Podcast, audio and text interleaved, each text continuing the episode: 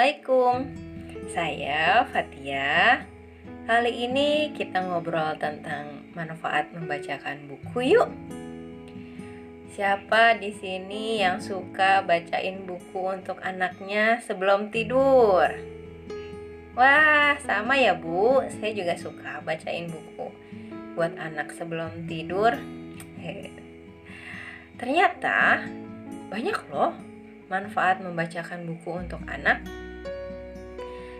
Ketika kita menyampaikan isi cerita kepada anak-anak dengan penuh emosi, maksudnya emosi itu adalah dengan penuh e, penghayatan gitu ya. Ketika bukunya menceritakan senang, kitanya ikut senang, menceritakan kejadian sedih, kita ikut sedih.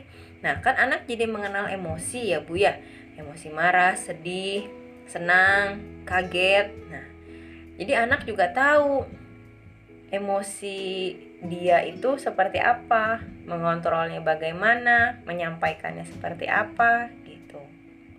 Jadi saat membacakan buku mereka mengenal emosi. Yang kedua eh, ada bonding. Bonding itu ikatan antara anak dan orang tua. Jadi makin akrab tuh. Kalau lagi baca buku kan kadang suka ada tektoknya ya bu ya. Ibu-ibu ini apa sih bu? Ikan apa? Oh itu ikan mujair. Oh ikan mujair tinggalnya di mana sih bu? Oh di balong ada, di kolam Pak Haji ada misalnya gitu nanti dia nanya lagi tuh wah panjang deh gitu nah itu kan jadi meningkatkan ke keeratan hubungan kita sama anak kemudian anak jadi belajar bagaimana mendengarkan memahami dan menyampaikan kembali isi bacaan yang sudah kita sampaikan. Gitu. Nah nanti ke depannya jadi anak gak malu-malu lagi deh belajar untuk menyampaikan pendapat. Seperti itu. Selanjutnya anak juga mendengar banyak kosakata baru loh bu jadi dia punya perbendaharaan kata-kata yang banyak.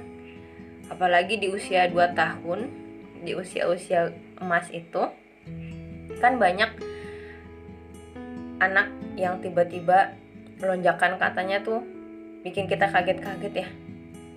Kok kamu tahu itu? Gitu. ternyata gara-gara kita pernah bacain buku. Gitu. Itu kira-kira ya bu siapa lagi yang punya pengalaman manfaat membacakan buku boleh komen di bawah ya Assalamualaikum.